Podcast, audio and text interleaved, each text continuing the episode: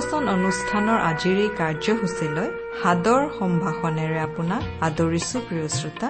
আজিৰে পবিত্ৰ উজলি উঠা খ্ৰীষ্টৰ জ্যোতি। ভক্তিবচন অনুষ্ঠানৰ নিয়মীয়া শ্ৰোতাসকলৰ চিঠি পত্ৰ আৰু টেলিফোনিক বাৰ্তাসমূহে আমাক বৰ উৎসাহিত কৰিছে। ভক্তিবচন পৰিয়ালৰ তৰফৰ পৰা তেওঁলোকলৈ অশেষ ধন্যবাদ জনাইছো। প্ৰভু যীশুৰ বাণীসমূহে শ্ৰোতাসকললৈ আশীৰ্বাদ কঢ়িয়াই অনা বুলি জানিলে আমি কাম কৰি যাবলৈ অধিক বল পাওঁ। ঈশ্বৰে আপোনালোকক এইদৰে সদায় আশীৰ্বাদ কৰি থাকক। আপোনাৰ জীৱন আৰু পৰিয়ালত সদায় সুখ শান্তি আৰু প্ৰচুৰতা প্ৰভু যীশুৱে দান কৰক। শাৰীৰিক সকলো ৰোগ ব্যাধি পাৰিবাৰিক সমস্যা আৰু আত্মিক সকলো বন্ধনবোৰৰ সমাধান দিব পৰা প্ৰভু যীশুৰ বাণীসমূহে যেন আপোনাৰ জীৱনলৈ নতুনত্ব আৰু জীয়াই থকাৰ প্ৰকৃত অৰ্থ কঢ়িয়াই আনে এয়ে আমাৰ প্ৰাৰ্থনা। প্ৰভু আজীৱন তোমাকে আৰাধো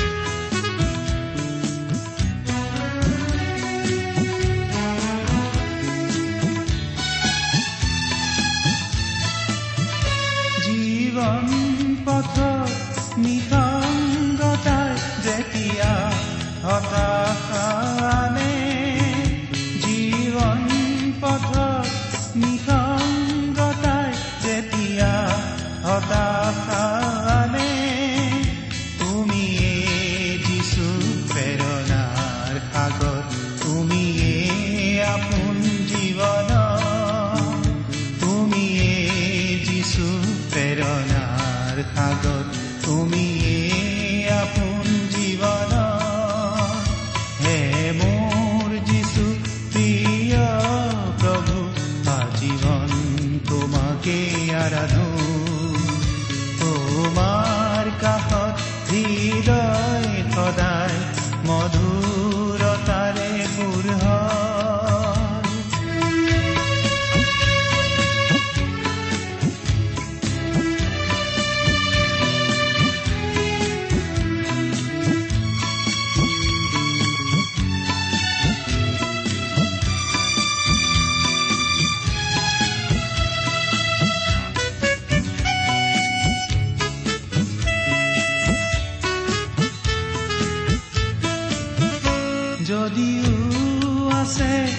প্ৰতিটো খোজতে দুখৰ ছায়া জীৱন যদিও আছে প্ৰতিটো খোজতে দুখৰ ছায়া জীৱন তুমিয়ে গভীৰ সান্তনাৰ সাগৰ তুমিয়ে সাধনা জীৱন তুমিয়ে গভীৰ সান্তনাৰ সাগৰ তুমিয়ে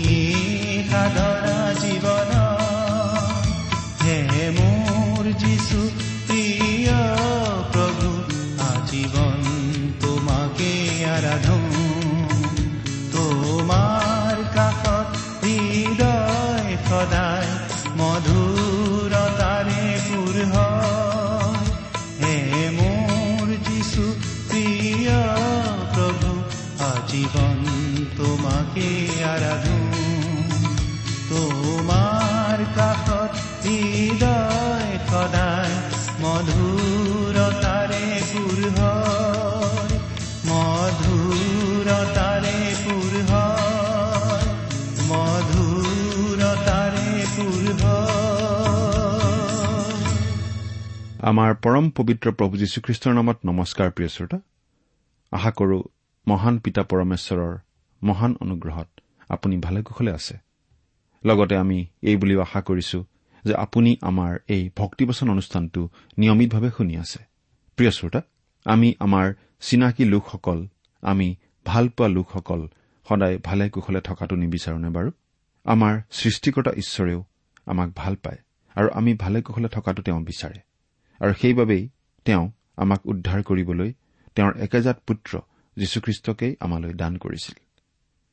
আমিও আমাৰ শ্ৰোতাসকল ভালে কুশলে থকা বুলি জানিলে ভাল পাওঁ। তেওঁলোকৰ কুশল বাতৰি আমি শুনিব বিচাৰো আৰু সেইবাবেই আমি শ্ৰোতাসকলৰ পৰা চিঠি পত্ৰ পাবলৈ আশা কৰো। প্ৰিয় শ্ৰোতা আপুনি বাৰু আমালৈ চিঠি পত্ৰ লিখি থাকেনে? অনুগ্ৰহ কৰি আজি এই দুখাৰিমান লিখি পঠিয়াবচোন। আহকচোন। আজিৰ বাইবেল অধ্যয়ন আৰম্ভ কৰাৰ আগতে খন্তেক প্ৰাৰ্থনাত মূৰ দুৱাওঁ হওক। আমি প্ৰাৰ্থনা কৰো। স্বৰ্গত থকা অসীম দয়ালু কৰোণাময় পিতৃ ঈশ্বৰ তোমাৰ মহান নামৰ ধন্যবাদ কৰো। তুমি মহান তুমি কৰোণাময় তুমি অনুগ্ৰহৰ আকৰ তোমাৰ অনুগ্ৰহতেই আজি আমি প্ৰভু যীশুত বিশ্বাস কৰি পৰিত্ৰাণ পাব পৰা হৈছো তোমাক পিতৃ বুলি মাতিব পৰা হৈছো। তুমি আমালৈ যিমান অনুগ্ৰহ দেখুৱাইছা তাৰ বাবে তোমাক ধন্যবাদ দি আমি শেষ কৰিব নোৱাৰো। এতিয়া প্ৰাৰ্থনা কৰিছো তোমাৰ মহান বাক্য বাইবেল শাস্ত্ৰৰ যোগেৰে তুমি আমাক কথা কোৱা তোমাৰ মাত আমাক শুনিবলৈ দিয়া। আমাৰ শ্ৰোতাসকলৰ জীৱনত তোমাৰ অনুগ্ৰহৰ আশীৰ্বাদ উপচি পৰিবলৈ দিয়া। কিয়নো এই প্ৰাৰ্থনা আমাৰ মহান ত্ৰাণকৰ্তা মৃত্যুঞ্জয় প্ৰভু যীশুখ্ৰীষ্টৰ নামত আগবঢ়াইছো।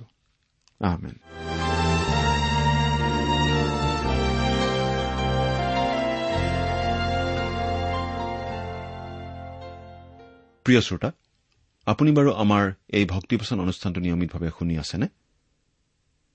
যদিহে আপুনি এই অনুষ্ঠান শুনি আছে তেনেহলে আপুনি নিশ্চয় জানে যে আমি আজি ভালেমান দিন ধৰি বাইবেলৰ পুৰণি নিয়ম খণ্ডৰ গীতমালা নামৰ পুস্তকখন অধ্যয়ন কৰি আছো। ইয়াৰ আগৰ অধ্যয়নলৈকে আমি গীতমালাৰ এশ বাইশ নম্বৰ গীতলৈকে অধ্যয়ন কৰিলো। আজিৰ অধ্যয়নত আমি চাম এশ তেইছ এশ চৌব্বিছ আৰু এশ পঁচিছ নম্বৰ গীত তিনিটাৰ পৰা। প্ৰিয় শ্ৰোতা এশ তেইছ নম্বৰ গীতটোত মাত্ৰ চাৰিটাহে পদ আছে। পদকেইটা পাঠ কৰি দিছো শুনিবচোন। আৰু যদিহে আপুনি হাতত বাইবেলখন লৈ বহিছে তেনেহলে অনুগ্ৰহ কৰি চাই যাব। পাঠ কৰি দিম। হে স্বৰ্গত থাকোতা জনা মই তোমালৈ মোৰ চকু তোলো।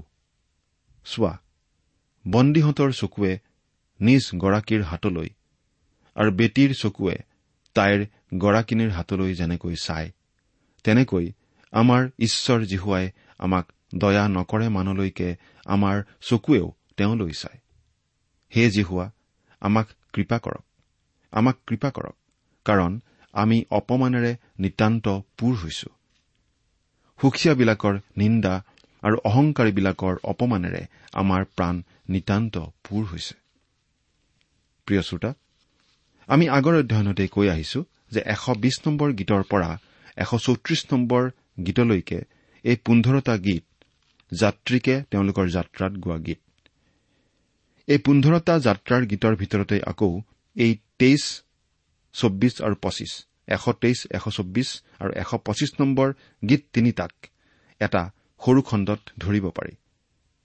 কাৰণ যাত্ৰীকৰ এই গীত তিনিটাই এটা বিশেষ বিষয় ওপৰত আলোকপাত কৰে।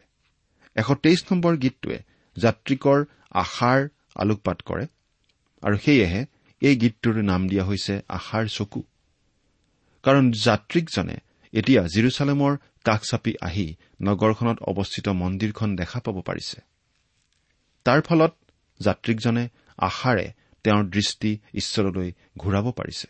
আৰু ঈশ্বৰ উপাসনাৰ এই মন্দিৰখন ঈশ্বৰৰ কাষ চপাৰ এটা উপায়স্বৰূপ হৈছে। এক নম্বৰ পদ হে স্বৰ্গত থাকোতা জনা মই আপোনালৈ মোৰ চকু তোলো। ইয়াত গীত গায়কজনে এই কথা অতি স্পষ্ট কৰি দিছে যে ঈশ্বৰ মন্দিৰত আবদ্ধ নহয়। কতো সমালোচকসকলে সমালোচনা কৰি কয় যে ইছৰাইলীয় লোকসকলে হেনো জিহুৱা ঈশ্বৰক জিৰচালেম মন্দিৰত বসবাস কৰা স্থানীয় দেৱতাৰূপেহে গণ্য কৰে। সেইটো সঁচা কথা হ'ব নোৱাৰে। গায়কজনে এই ক্ষেত্ৰত এই কথা অতি স্পষ্ট কৰি দিছে যে ইছৰাইলৰ সন্তানসকলে এনে ঠেক গণ্ডিৰ কথা কাহানিও চিন্তা নকৰে। সেয়েহে গায়কগৰাকীয়ে ঈশ্বৰ জিহুৱাক সম্বোধন কৰি কৈছে হে স্বৰ্গত থাকোতা জনা জিৰচালেমলৈ আহোঁতে মন্দিৰখনৰ দৃশ্য তেওঁৰ চকুত পৰিছে সঁচা। কিন্তু মন্দিৰখনৰ দৃশ্য তেওঁৰ চকুত পৰাৰ লগে লগেই তেওঁ সৰগৰ ওপৰলৈ চাই পঠিয়াইছে আৰু সেই সৰ্গত থাকোতা জনা বুলি সম্বোধন কৰিছে। কাৰণ গায়ক প্ৰমুখ্যে ইছৰাইলৰ সকলো সন্তানেই জানে যে জিহুৱা ঈশ্বৰে নিজকে কোনো মঠ মন্দিৰত আবদ্ধ নাৰাখে বৰং তেওঁৰ বাসভূমি সৰগ ৰাজ্যহে। মন্দিৰখন হৈছে ঈশ্বৰৰ কাষ চপাৰ এটা উপায় মাত্ৰ দুই নম্বৰ পদত আমাৰ কাৰণে কি গভীৰ কি প্ৰয়োজনীয় আৰু কি সুন্দৰ শিক্ষা আছে? আপুনি সেই কথা মন কৰিছেনে? পদটোত কি কোৱা হৈছে? শুনকচোন। কৈছে চোৱা বন্দীহঁতৰ চকুৱে নিজ গৰাকীৰ হাতলৈ আৰু বেটীৰ চকুৱে নিজ গৃহস্থিনীৰ হাতলৈ যেনেকৈ চায় তেনেকৈ আমাৰ ঈশ্বৰ জীহুৱাই আমাক দয়া নকৰে মানুহলৈকে আমাৰ চকুৱেও তেওঁলৈ চায়। প্ৰিয় শ্ৰোতা আপুনি যদি এটা নিৰ্ধাৰিত সময়ৰ কাৰণে কোনো গৰাকীৰ অধীনত কাম কৰে তেতিয়া আপুনি সাধাৰণতে কি কৰিব? হয় আপুনি আপোনাৰ গৰাকী আৰু হাতত থকা ঘড়ীলৈ চাব। আপোনাৰ গৰাকীয়ে আপোনাক নজৰ কৰি থাকোতে আপুনি নিশ্চয় মন পুতি কাম কৰিব নহয়নে বাৰু? ঈশ্বৰে সদায়েই আমাক নজৰ কৰি আছে বুলি ভাবি আমি কিমানে কাম কৰো বাৰু? বাস্তৱিকতেই তেওঁ সকলো সময়তে আমাক নজৰ কৰি থাকে। আমি সদায়েই তেওঁৰ পবিত্ৰ নজৰত আছো। আমি যিমানবিলাক খ্ৰীষ্টীয় লোকে প্ৰভুৰ পৰিচৰ্যাত আছো আমি যদি আজি সেই কথা জানো তেন্তে কোনো প্ৰভুৰ দাসে চকু চাকৰৰ দৰে কাম কৰিব নালাগিলেহেঁতেন। বহু সঁচাৰ লগতে কিছুমান মিছা কথা আমাৰ কাৰ্যৰ বিৱৰণীবিলাকত লিখি কৰ্তৃপক্ষক সন্তুষ্ট কৰিব নালাগিলেহেঁতেন নাইবা এটা দোষী বিবেক কঢ়িয়াই লৈ ফুৰিবলগীয়া নহলহেঁতেন। প্ৰিয় শ্ৰোতা আপুনি প্ৰভুক কিমান প্ৰেম কৰে আপুনি তেওঁৰ পৰিচৰ্যাৰ বাবে কিমান উৎসৰ্গিত আৰু তেওঁৰ পৰিচৰ্যা কৰি কিমান আনন্দ আৰু সন্তুষ্টি আপুনি লাভ কৰে তাৰ ভিত্তিতহে আপুনি প্ৰভুৰ পৰিচৰ্যা কৰিব পাৰিব। আপুনি চকু চাকৰৰ দৰে কাম কৰিব নালাগিব আপুনি কামচোৰ হ'ব নালাগিব। আপুনি প্ৰভুপ্ৰেমী নহলে প্ৰভুৰ পৰিচৰ্যাৰ বাবে উৎসৰ্গিত নহলে প্ৰভুৰ পৰিচৰ্যা কৰি আনন্দ উপলব্ধি নহলে তেনে পৰিচৰ্যাত আপুনি নিজকে হেৰুৱাই পেলাব নোৱাৰিলে আপোনাৰ অৰ্হতা আপোনাৰ শিক্ষা দীক্ষা ডিগ্ৰী পাৰ্গতালী বা কথাত বা যুক্তিত পক পকাব পৰা গুণে আপোনাক সহায় নকৰিব। আজি যদি কোনো পৰিচৰ্যাকাৰী আছে যিজনে কাম বিশ্বস্ততাৰে নকৰি কিয় কৰিব নোৱাৰিলে তাৰ বাবেহে এশ এটা যুক্তি দৰ্শায় তেতিয়া জানিব যে তেওঁ উত্তম বিশ্বাসী দাস নহয়। প্ৰিয় শ্ৰোতা আপুনি বাৰু এনেদৰে ভাবি কাম কৰিব পাৰেনে? যে আমাৰ প্ৰভুৱে সদায় আমাৰ ওপৰত তেওঁৰ মৰমৰ নজৰ ৰাখি আছে? তৃতীয় পদ হে যি হোৱা আমাক কৃপা কৰক। আমাক কৃপা কৰক কিয়নো আমি অপমানেৰে নিতান্ত পূৰ হৈছো। ইছৰাইলৰ সন্তানসকলৰ কি কাটৰ স্বৰৰ প্ৰাৰ্থনা এয়া নহয়নে? বিজাতীয় লোকসকলে তেওঁলোকক হেয় প্ৰতিপন্ন কৰি বৰ অপমান কৰিছিল। কিন্তু এতিয়া তেওঁলোক জিৰচালেমলৈ আহিছে আৰু তেওঁলোক যে পাপী তাকে জানি ঈশ্বৰৰ দয়াভিক্ষা কৰিছে। পিঠিত হাত বোলাই বোলাই কোনেও কাকো সান্তনা দিবলৈ তেওঁলোক জিৰচালেমলৈ অহা নাই। তেওঁলোকে জিৰচালেমলৈ আহিছে পাপৰ ক্ষমা পাবলৈ ঈশ্বৰৰ দয়া বিচাৰি। পদ। সুখে সন্তোষে থকা সকলৰ নিন্দা আৰু অহংকাৰীসকলৰ অপমানেৰে আমাৰ প্ৰাণ নিতান্ত পূৰ হৈছে। আশাৰ চকু জিৰচালেমলৈ এতিয়া ইছৰাইলৰ সন্তানসকল আহিছে। সৰগত বাস কৰা জনলৈ এতিয়া তেওঁলোকে চকু তুলি চাইছে। তাহানিৰ ইছৰাইলৰ সন্তানসকলে যেনেকৈ চকু তুলি ওপৰলৈ চাইছিল আজি বাৰু আমি তেনেকৈ চাবলৈ জানিছোনে? প্ৰিয় শ্ৰোতা আমি ওপৰৰ ফাললৈ সঁচাকৈ চাওঁনে বাৰু? এতিয়া আমি এশ চৌব্বিছ নম্বৰ গীতটোৰ পৰা অধ্যয়ন কৰো হওক। এইটো এটা ইতিহাসমূলক গীত। এশ তেইছ নম্বৰ গীতটো যেনেকৈ আশাৰ চকু অৰ্থাৎ ভৱিষ্যতলৈ অপেক্ষা কৰি ভৱিষ্যৎবাণী দিয়া গীত এশ চৌব্বিছ নম্বৰ গীতটো আকৌ তাৰ বিপৰীতে অতীত সোঁৱৰণৰ গীত। গতিকে এশ তেইছ নম্বৰ গীতটোক যদি আশাৰ চকু বোলা যায় তেন্তে এশ চৌবিছ নম্বৰ গীতটোক অতীতৰ চকু বুলি আমি ক'ব পাৰোঁ। কাৰণ অতীতকালত ঈশ্বৰে তেওঁলোকক কেনে দয়া কৰিছিল তাৰে ইতিহাস ইয়াত পুনৰ আলোচনা কৰা হৈছে। গীতটোৰ এক নম্বৰ পদৰ পৰা তিনি নম্বৰ পদলৈকে চাওকচোন। ইছৰাইলে ইয়াকে কওক যদি জিহুৱা আমাৰ ফলীয়া নহলহেঁতেন মনুষ্য আমাৰ বিৰুদ্ধে উঠা কালত যদি জিহুৱা আমাৰ ফলীয়া নহলহেঁতেন তেন্তে তেওঁলোকৰ ক্ৰোধ আমাৰ ওপৰত জ্বলি উঠাত তেওঁলোকে আমাক জীয়াই জীয়াই গ্ৰাস কৰিলেহেঁতেন। ইছৰাইলৰ সন্তানসকলে তেওঁলোকৰ অতীত দিনবোৰলৈ ঘূৰি চাই দেখিছে কেনেকৈ পিতৃ ঈশ্বৰে তেওঁলোকৰ সংগী হৈ তেওঁলোকক পৰিচালনা কৰিছিল আৰু তেওঁৰ আৰাধনা কৰিবলৈ তেওঁলোক জিৰচালেমলৈ আহিব পৰাটোক সম্ভৱ কৰি তুলিছিল। এই কাৰণতেই তেওঁলোকে ঈশ্বৰ জীহুৱাক ধন্যবাদ জ্ঞাপন কৰিছিল। তেতিয়া জলসমূহে আমাক ডুবালেহেঁতেন। আমাৰ প্ৰাণৰ ওপৰেৰে জলৰ সোঁত বলেহেঁতেন। ইয়াত উল্লেখ কৰা জলসমূহ কৰ জল? চুফ বা লোহিত সাগৰ আৰু জৰ্দন নদীৰ জলৰ কথাকেই ইয়াত নিশ্চয় কোৱা হৈছে। লোহিত সাগৰ আৰু জৰ্দন নৈৰ জলসমূহক লৈ তেওঁলোকৰ অতীত জীৱনত যিবিলাক ঘটনা ঘটিছিল আৰু সেই ঘটনাবোৰৰ মাজেৰে ঈশ্বৰে তেওঁলোকক কেনেকৈ পৰিচালনা কৰিছিল তাকেই ইয়াত সোঁৱৰণ কৰা হৈছে। পদ। যিজনাই চিকাৰ ৰূপে আমাক তেওঁলোকৰ দাঁতত পেলাই নিদিলে সেই জিহুৱা ধন্য হওক। তাৰমানে তেওঁলোকে নিশ্চিতভাৱে জানে যে ঈশ্বৰেই তেওঁলোকক সকলো বিপদৰ পৰা ৰক্ষা কৰি আহিছে সহায় কৰি আহিছে। পদ। যিজনাই আকাশমণ্ডল আৰু পৃথিৱী সৃষ্টি কৰিলে সেই জিহুৱাৰ নাম আমাৰ সহায়। আন কথাত কবলৈ গ'লে ইছৰাইলৰ সন্তানসকলে আকাশমণ্ডল আৰু পৃথিৱী সৃষ্টি কৰোতা সকলো সৃষ্টিৰ গৰাকী ঈশ্বৰ জিহুৱাকেই আৰাধনা কৰে। তেওঁৰ নামৰ স্তুতি গৌৰৱ কৰে। সকলো সৃষ্টিৰ সৃষ্টিকৰ্তা আৰু গৰাকী ঈশ্বৰ জিহুৱাৰ বাহিৰে কোনো ঈশ্বৰ থাকিব নোৱাৰে কাৰণ কেইবাগৰাকী ঈশ্বৰ থাকিব নোৱাৰে। এতিয়া আহকচোন এশ পঁচিছ নম্বৰ গীতটোৰ বিষয়ে অলপ চাওঁ হওক। এই গীতটোত আমি দেখিবলৈ পাইছো যে যাত্ৰীকজনে জিৰচালেমৰ কাষ চাপি চিউন পৰ্বত দেখাৰ লগে লগে ভৱিষ্যতৰ কাৰণে তেওঁৰ অন্তৰত উৎসাহ লাভ কৰিছে। প্ৰিয় শ্ৰোতা আমিও আমাৰ নিজৰ অন্তৰৰ কাৰণে। চিউন পৰ্বত দেখি উৎসাহ পোৱাৰ দৰে আমাৰ স্বৰ্গীয় চিউনৰ কথা সোঁৱৰণ কৰি আমি উৎসাহ লাভ কৰিব পাৰো। কাৰণ সৰগীয় চিউনখনেই আমাৰ মনোৰম নগৰ আমাৰ জীৱনৰ গন্তব্যস্থান আমাৰ লক্ষ্যভূমি। হে প্ৰিয় শ্ৰোতা আপুনি বাৰু কেতিয়াবা সেইখন সৰগীয় চিউনৰ কথা ভাবেনে? যদিহে ভাবে ভাবি ভাবি আপোনাৰ কেনে লাগে বাৰু? সেই সৰগীয় চিউন সেই সৰগ ৰাজ্যৰ কথা বৰ গভীৰভাৱে আমি মাজে মাজে ভাবি চাব পাৰোঁ। সেই সৰগীয় চিউনলৈ সোনকালে গুচি যাব পৰাৰ গভীৰ ইচ্ছাত কেতিয়াবা আমি অধৈৰ্য হৈ পৰো নহয়নে বাৰু? এই মন্দ জগতত থাকি থাকি যেতিয়া আমাৰ দুখ যন্ত্ৰণা হতাশা আদি উপচি পৰে আমি সেই সৰগীয় চিউনলৈ যাবলৈ অধৈৰ্য হৈ নপৰোনে বাৰু? সৰগীয় চিউনৰ কথা মনত পৰিলে মৰণলৈ থকা অজান ভয়ো একেবাৰে শূন্য হৈ পৰে। নপৰেনে বাৰু?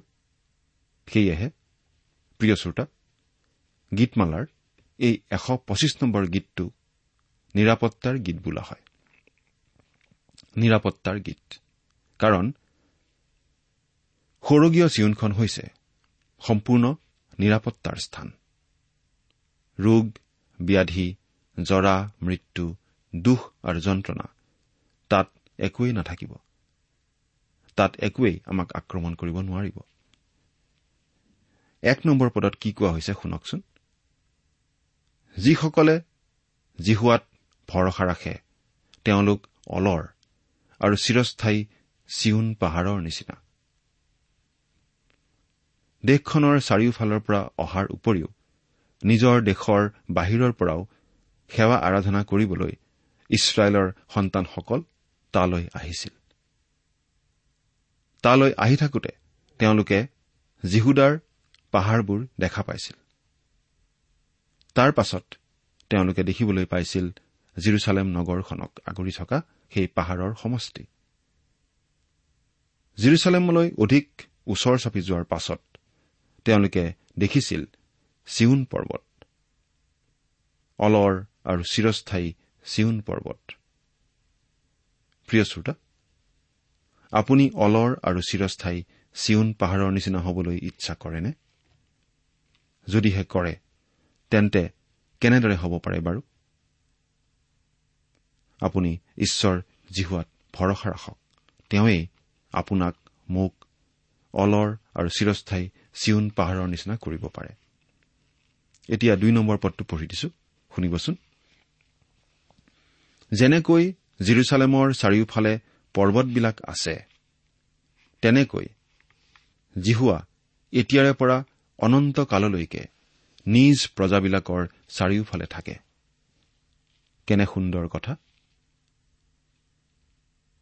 যিসকলে ঈশ্বৰ জিহুৱাত সম্পূৰ্ণ ভৰসা ৰাখে তেওঁলোক যে অলৰ অচৰ কেতিয়াও পৰিৱৰ্তিত নোহোৱা চিউন পাহাৰৰ নিচিনা। এই উত্তম নিশ্চয়তাৰে এয়া কি সুন্দৰ গীত। জিৰচালেম নগৰখনৰ চাৰিওফালে আগুৰি থকা সেই পাহাৰবোৰৰ নিচিনাকৈ। ঈশ্বৰ জিহুৱাত ভৰসা কৰা সকলোকো ঈশ্বৰ জিহুৱাই নিৰাপত্তা প্ৰদান কৰে। কথাটো চিন্তা কৰি চাওকচোন। ভাবিলেই আমাৰ ভাল লাগি যায় নহয়নে বাৰু?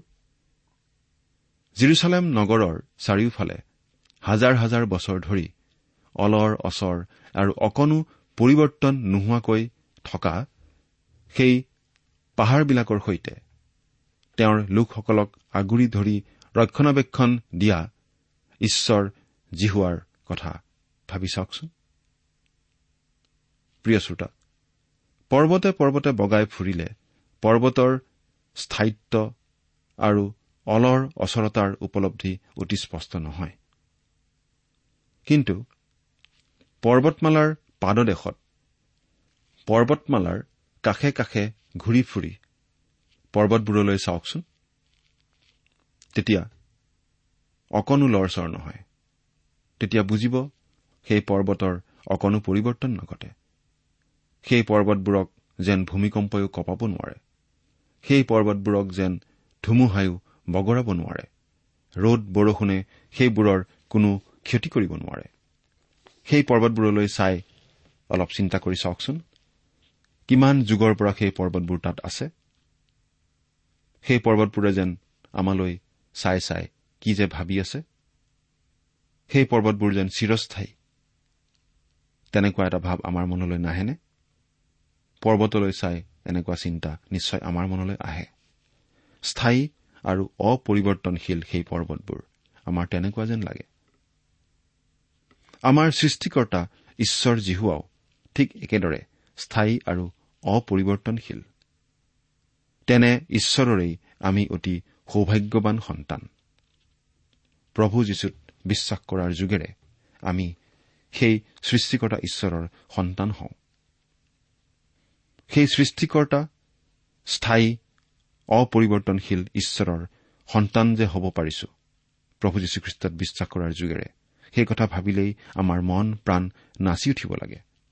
হৃদয় শান্তি আনন্দ কৃতজ্ঞতা গুণ গৰিমা প্ৰশংসা আৰু ধন্যবাদেৰে ভৰি পৰিব লাগে। নালাগেনে বাৰু? কিন্তু তথাপি চিউন পৰ্বত আৰু আমাৰ ঈশ্বৰ জিহুৱাৰ মাজত এটা ডাঙৰ পাৰ্থক্য আছে। সময় আহিব যেতিয়া চিউন পৰ্বতমালাও লুপ্ত পাব তাৰ স্থায়িত্ব নোহোৱা হৈ পৰিব আৰু তাৰ অলৰ অচৰতাও লৰচৰ হৈ থানবান হ'ব। কিন্তু অনাদিকালৰে পৰা অনন্ত কাললৈকে স্থায়ী ঈশ্বৰ জনা অনন্ত কাললৈকে অনন্তকাল স্থায়ী হৈ থাকিব। কেৱল প্ৰভুৱেই কিয়? আমাৰ পুনৰুত্থানৰ পাছত সৰগত প্ৰৱেশ কৰি অনন্ত জীৱনৰ গৰাকী হৈ আমিও অনন্তকাললৈ বৰ্তি থাকিম। সেইদিন সেইকাল আহিব। আহি আছে। আহি পাইহিহে লাগে। কিন্তু তেনে অনন্তকাল অনন্ত জীৱনৰে সৈতে বৰ্তি থাকিবলৈ আপুনি জানো অনন্ত জীৱনৰ গৰাকী পৰিত্ৰাতা আৰু মহান প্ৰভু যীশুখ্ৰীষ্টত বিশ্বাস স্থাপন কৰি তেওঁক আপোনাৰ পৰিত্ৰাতা আৰু প্ৰভুৰূপে গ্ৰহণ কৰিছে। গ্ৰহণ কৰিলে আপোনাৰ অনন্ত জীৱন আছে। গ্ৰহণ নকৰিলে নাই। কথাটো আপুনি গভীৰভাৱে চিন্তা কৰিবনে প্ৰিয় শ্ৰোতা? ঈশ্বৰে আপোনাক আশীৰ্বাদ কৰক। তেওঁৰ অনন্ত জীৱন গ্ৰহণ কৰিব পাৰিবলৈ তেওঁ আপোনাক তেওঁৰ দয়া দান কৰক। আজিলৈ আহো নমস্কাৰ। প্ৰিয় শ্ৰোতা ইমান পৰে আপুনি বাইবেল শাস্ত্ৰৰ পৰা ঈশ্বৰৰ বাক্য শুনিলে। এই বিষয়ে আপোনাৰ মতামত জানিবলৈ পালে আমি নথৈ আনন্দিত হ'ম। আমি প্ৰস্তুত কৰা বাইবেল অধ্যয়নৰ চিডিসমূহ পাব বিচাৰিলে আৰু অনুষ্ঠানত প্ৰচাৰ কৰা কোনো কথা বুজিব লগা থাকিলেও আমালৈ লিখক। আমাৰ যোগাযোগৰ ঠিকনা ভক্তিবচন ট্ৰান্সৱৰ্ল্ড ৰেডিঅ' ইণ্ডিয়া ডাক বাকচ নম্বৰ সাত শূন্য গুৱাহাটী সাত আঠ এক শূন্য শূন্য এক।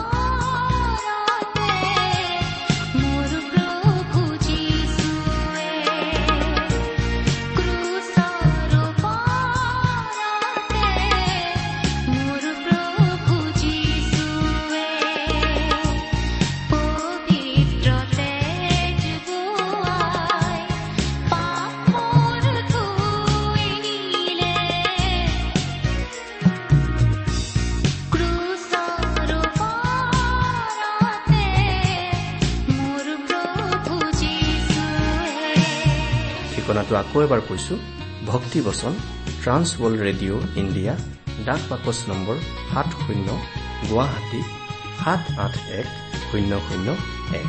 আমাৰ ইমেইল এড্ৰেছটো হৈছে Assamese T TV at the rate radio' eight eight two dot com. আমাৰ website W W W dot T W R dot in.